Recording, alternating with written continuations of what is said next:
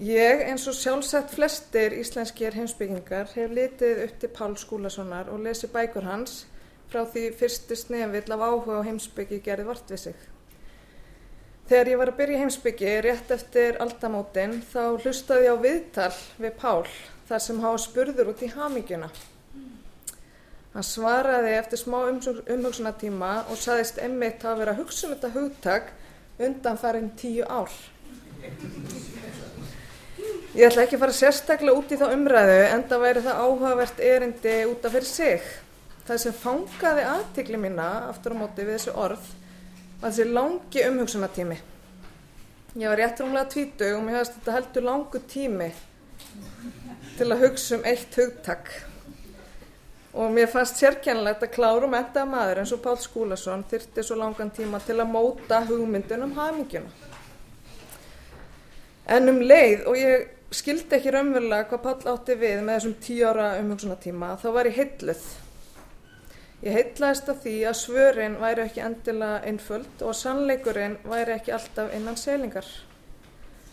Á þessum fyrstu árum í bjánámi komst ég fljótlega að því að svörin liggja ekki svo glatt fyrir að Páll hafi haft mikið tilsýnsmáls með þessari íhugun sinni og það þyrti tíma til að hugsa, melda og rannsaka bæði hugtök og hugmyndir.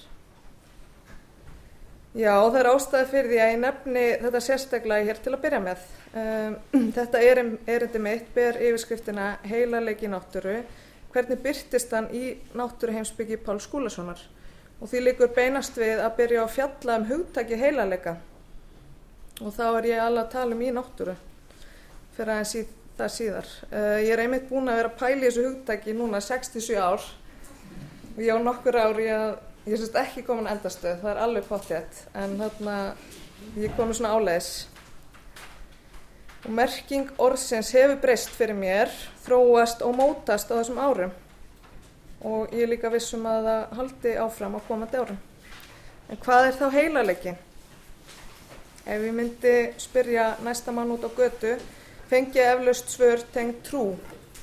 Ég hef þá upplifin að svona almennt séð sé heilalegi tengdur prestum og kirkju og heilalegi trúar upplifin mjög vel.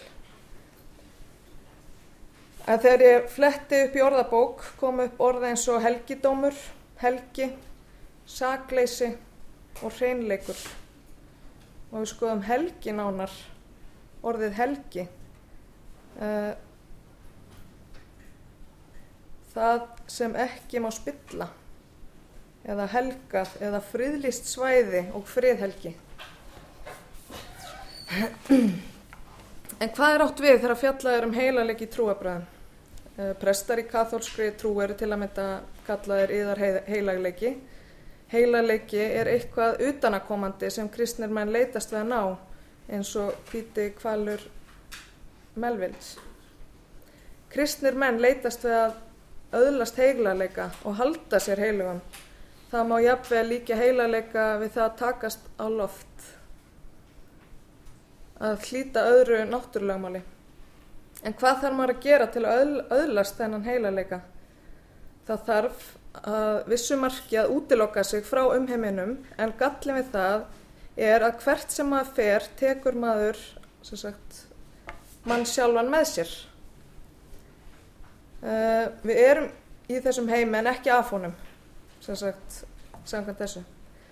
Uh, þetta er andstaðan við heldarhúsununa þarna komum við að klassísku tvíhyggju í kristinni trú. Maðurinn er í stríði við náttúruna og það kvartlar ekki að honum að þurfa einhverju. Ég ætla ekki endilega að fara eitthvað nána kannski þessa tilteknu tvíhyggju kristinni trú eða hugmyndasögu uh, við getum rættu það kannski eftir en það er kannski svona aukaður ég ætla svona benda bara á þetta og er að nota þetta orð heilalegi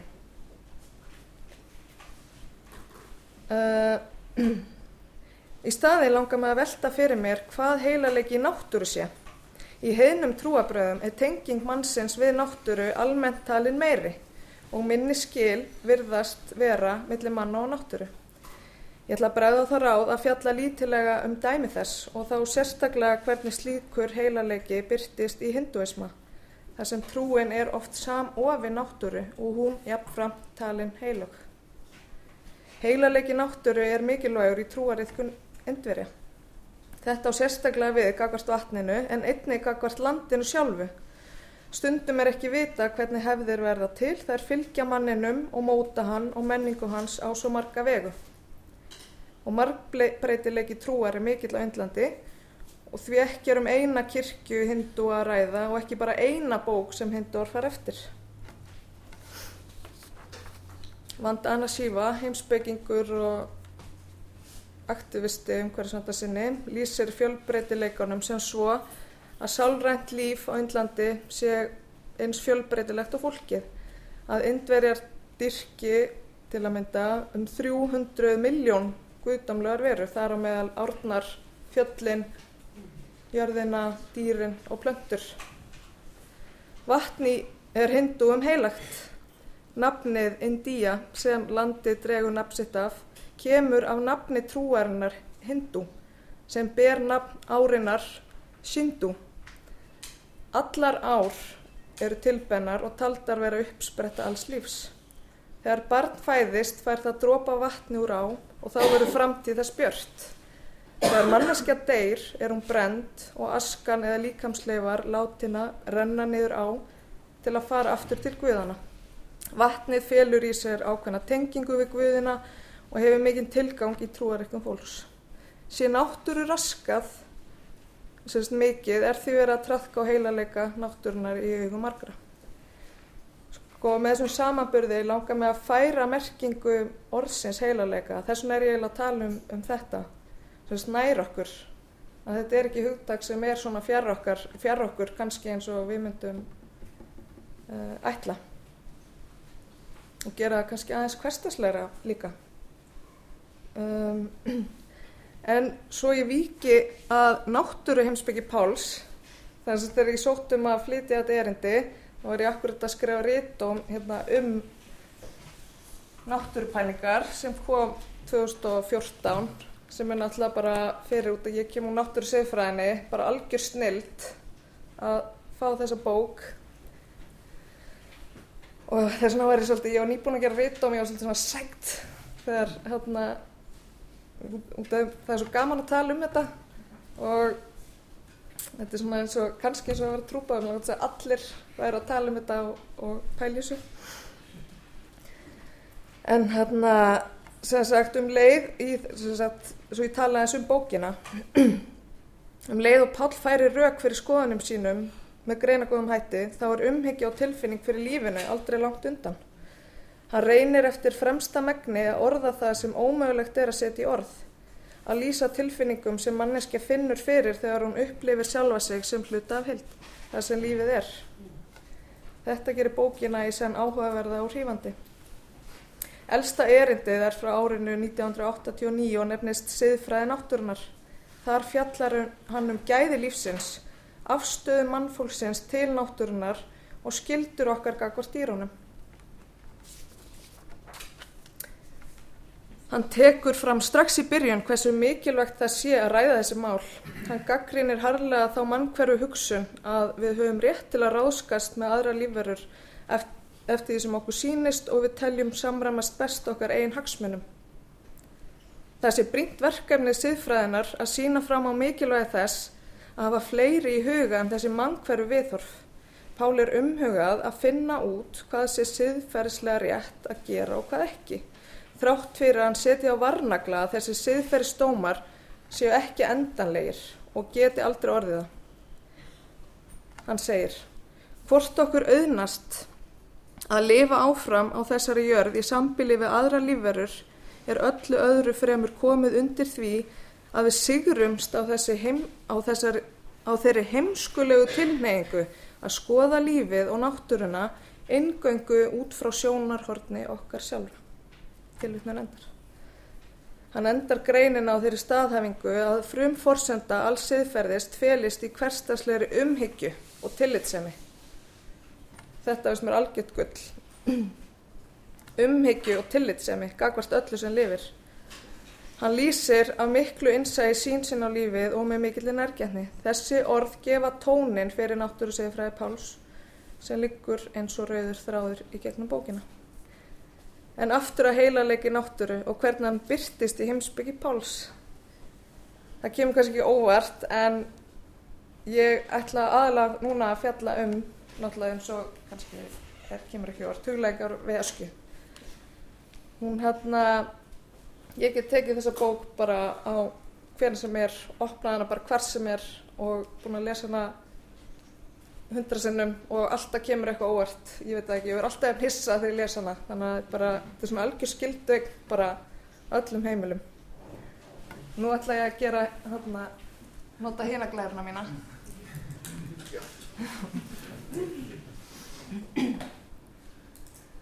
Það er svo viðjönd að hafa svona myndir af öskja meðan við verðum að tala um öskju. Þráttur að auðvitað er öskja bara tákn en hún er nú falleg frátt verið það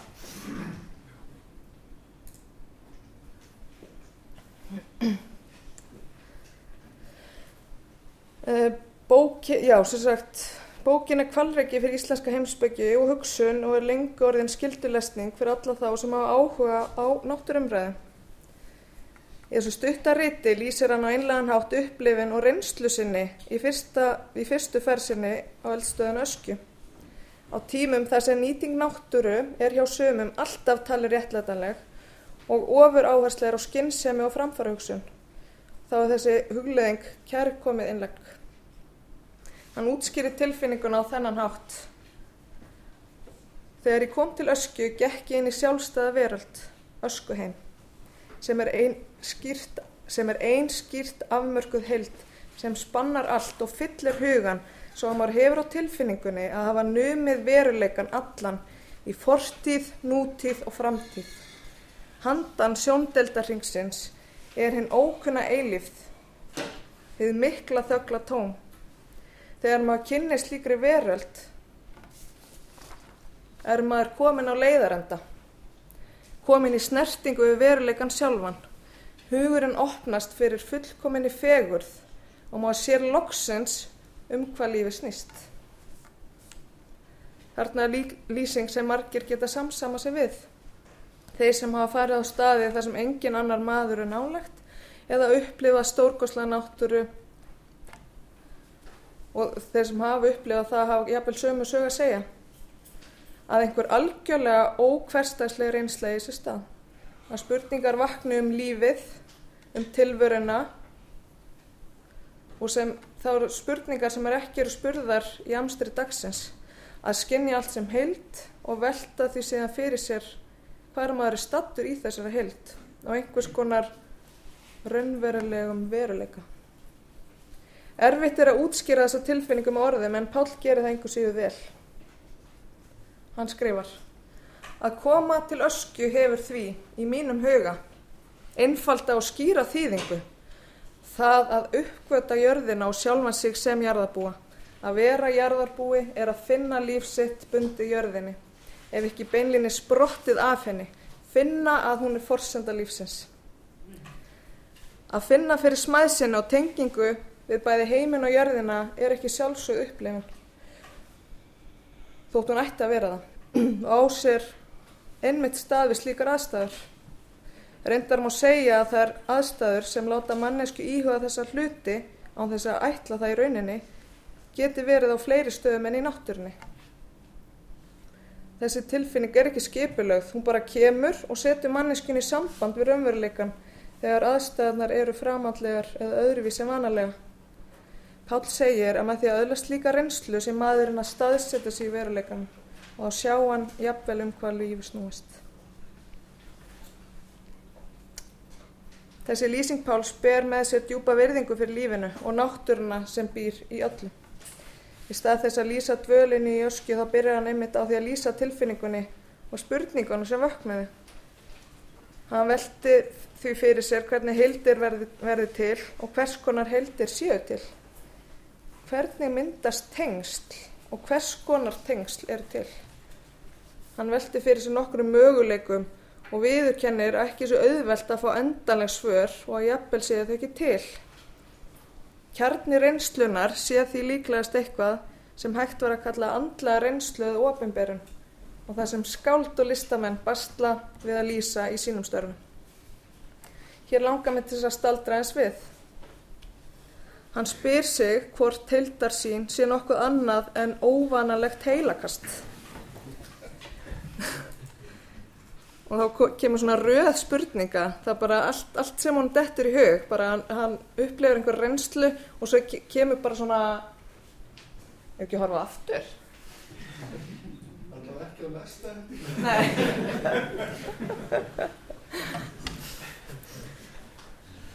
Þannig að, uh, já, þá kemur bara svona foss af spurningu og ég held að, og það er einmitt málið, það eru svo spurningar. Er tilfinningin fyrir sönnum veruleika nokkuð annað en viss óræð snerting taugafrumna? Er veröldin raunverulega ein heilt? Er veruleikin ekki óendalega sundruð með einstakra fyrirbæra? Eru tengst allra hluta tóm sínd eða sannur veruleiki? Er heiminum til sem heilt eða eru tengst allra hluta tilbúningur hugan sjálfs? Og hver er hann þá þessi hugur sem spinnur þetta tengslanett og skapar þessa heilt? Hver er staða hans með tilliti til þess sem hann kallar heim eða veröld eða veruleikan í heilsinni? Allar þessar spurningar komaði þessa náttúrureynslu sem Páll lýsi svo vel. Sigriði Þorgestóttir fjallar um heildarhúsin í greininni Heild sem gerir mann heilan um sið, siðfræði náttúrufegurar. Þetta er í bók Náttúru sín sem er um í rauninni margar greinar um náttúruheimsbyggi Páls. Uh, Sigriði bendir á náttúru sín Páls sé á vissan hátt frumsbyggileg og sé að því leiti andstöðu veraldarskilning nútímans sem er að miklu leiti skilirtur af heimsmynd vísindana. Vísindi leitast við að smætta á sundurgreina og fela ekki í sér þessa heldarsýn sem Páll lýsir. Þessi einsleita sín vísindana hefur til dæmis í för með sér að mannlegar tilfinningar og tengslmanna á náttúru eru hunsu. Sigriði bendir á að þessi persónulega reynsla í náttúru eða þessi tengsli hana geti nýst sem líkan fyrir vissa þætti góðs lífs og samfélags við aðra. Náttúran í tilfelli Páls verður sem sjálfstæður veruleiki, handan mannsugans og menningarinnar. Sigriður segir þetta vera hérna nútímalegu hugmyndum heilt sem ég tengi við heilarleika. Heildin verður ekki höndluð sem heilt í heilt. Það er æfinlega einhver annar leiki í henni. Sko hann kom hérna fram, þetta er ekki, þetta er ekki, sem sagt, þetta er ekki dullrænt og þetta er ekki yfirnáttúrulegt, þetta er einmitt náttúrulegt eins og Pál bendir á. Og raunar hefur komið hérna fram fyrir dag. En það er þessi hildarhugsun sem er andstæða tvíegju mann og náttúru sem ég vil tengja við heilarleika. Heilarleiki er í okkur sjálfum en ekki utan við okkur. Pál segir, hún, sérst Askja, hún er allstaðar því að hún er hinn náttúrulega heild sem býr á bakvið allt, býr undir öllu, býr í sjálfri sér sjálfstæð, ósnortin, ósnertanleg, handan þess sem mannhöndin og mannshugurinn geta náð tökum á.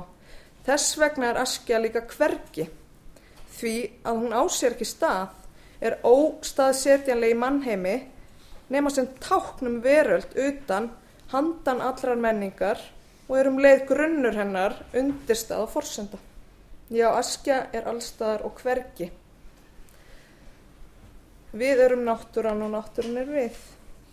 Í því liggur heilalegi náttúra mínu mati og því ber að taka hann með og tala um hann þegar meta á gildi náttúru.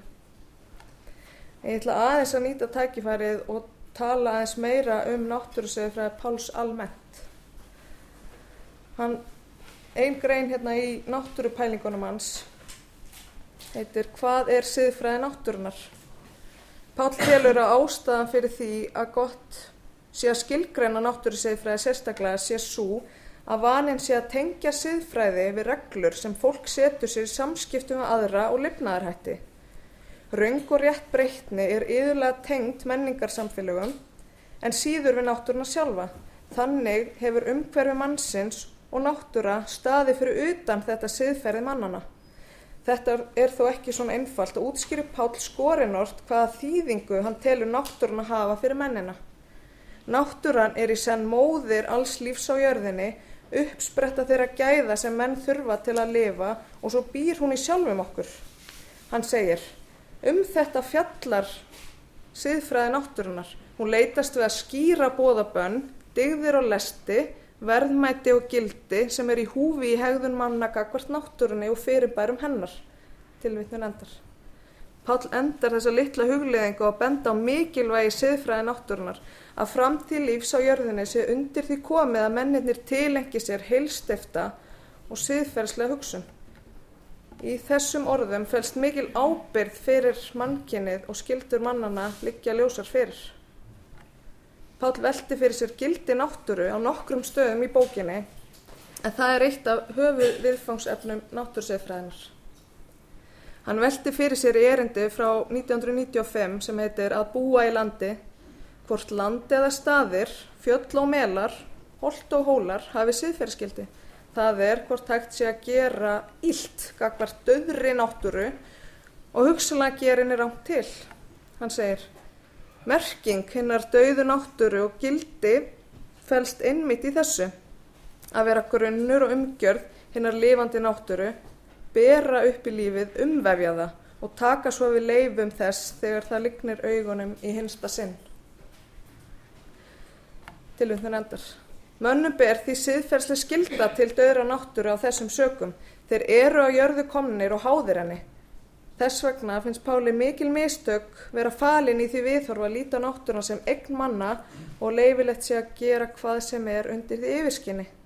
Við eigum ekki landið í þeim skilningi og getum hreinlega ekki gert það sem okkur listir. Hann lítur svo á að við séum með landið að láni frá forfæðurum okkar og okkur beri að skila því í góðu ásökumulagi fyrir komandi kynnslóðir. Heiti erindisins er lýsandi fyrir það viðþorfa að menninir eigi ekki landið, heldur séu, þeir íbúar þess. Hann segir, siðferðislaugin gildi, gilda ekki bara í samskiptum millir manna eða í tengslum þeirra við dýr eða aðra lífverur. Þau gilda ekki síður í samskiptum þeirra við landið og jörðina alla, fossana og fjöllin, melana og máana. Pál Skúlason er mikilvægur og var mikilvægur höfundur þegar kemur umhverfis og náttúrseðfræði. Skrif hann skipta miklu máli fyrir alla þá sem nema þessi fræði og þá sem leggja áherslu á þessi málefni og flesti sem fjallað hafa um siðfræði náttúrunar og sammálu um að við þurfum að endur skoða margar hugmyndir og kenningar sem í dag ráða mest um afstöðu okkar til umhverfs og náttúru og von mín er svo að ymsar hugmyndir sem reyfaðar eru í skrifum Páls með stuðlaða slíkri endurskoðun. Takk.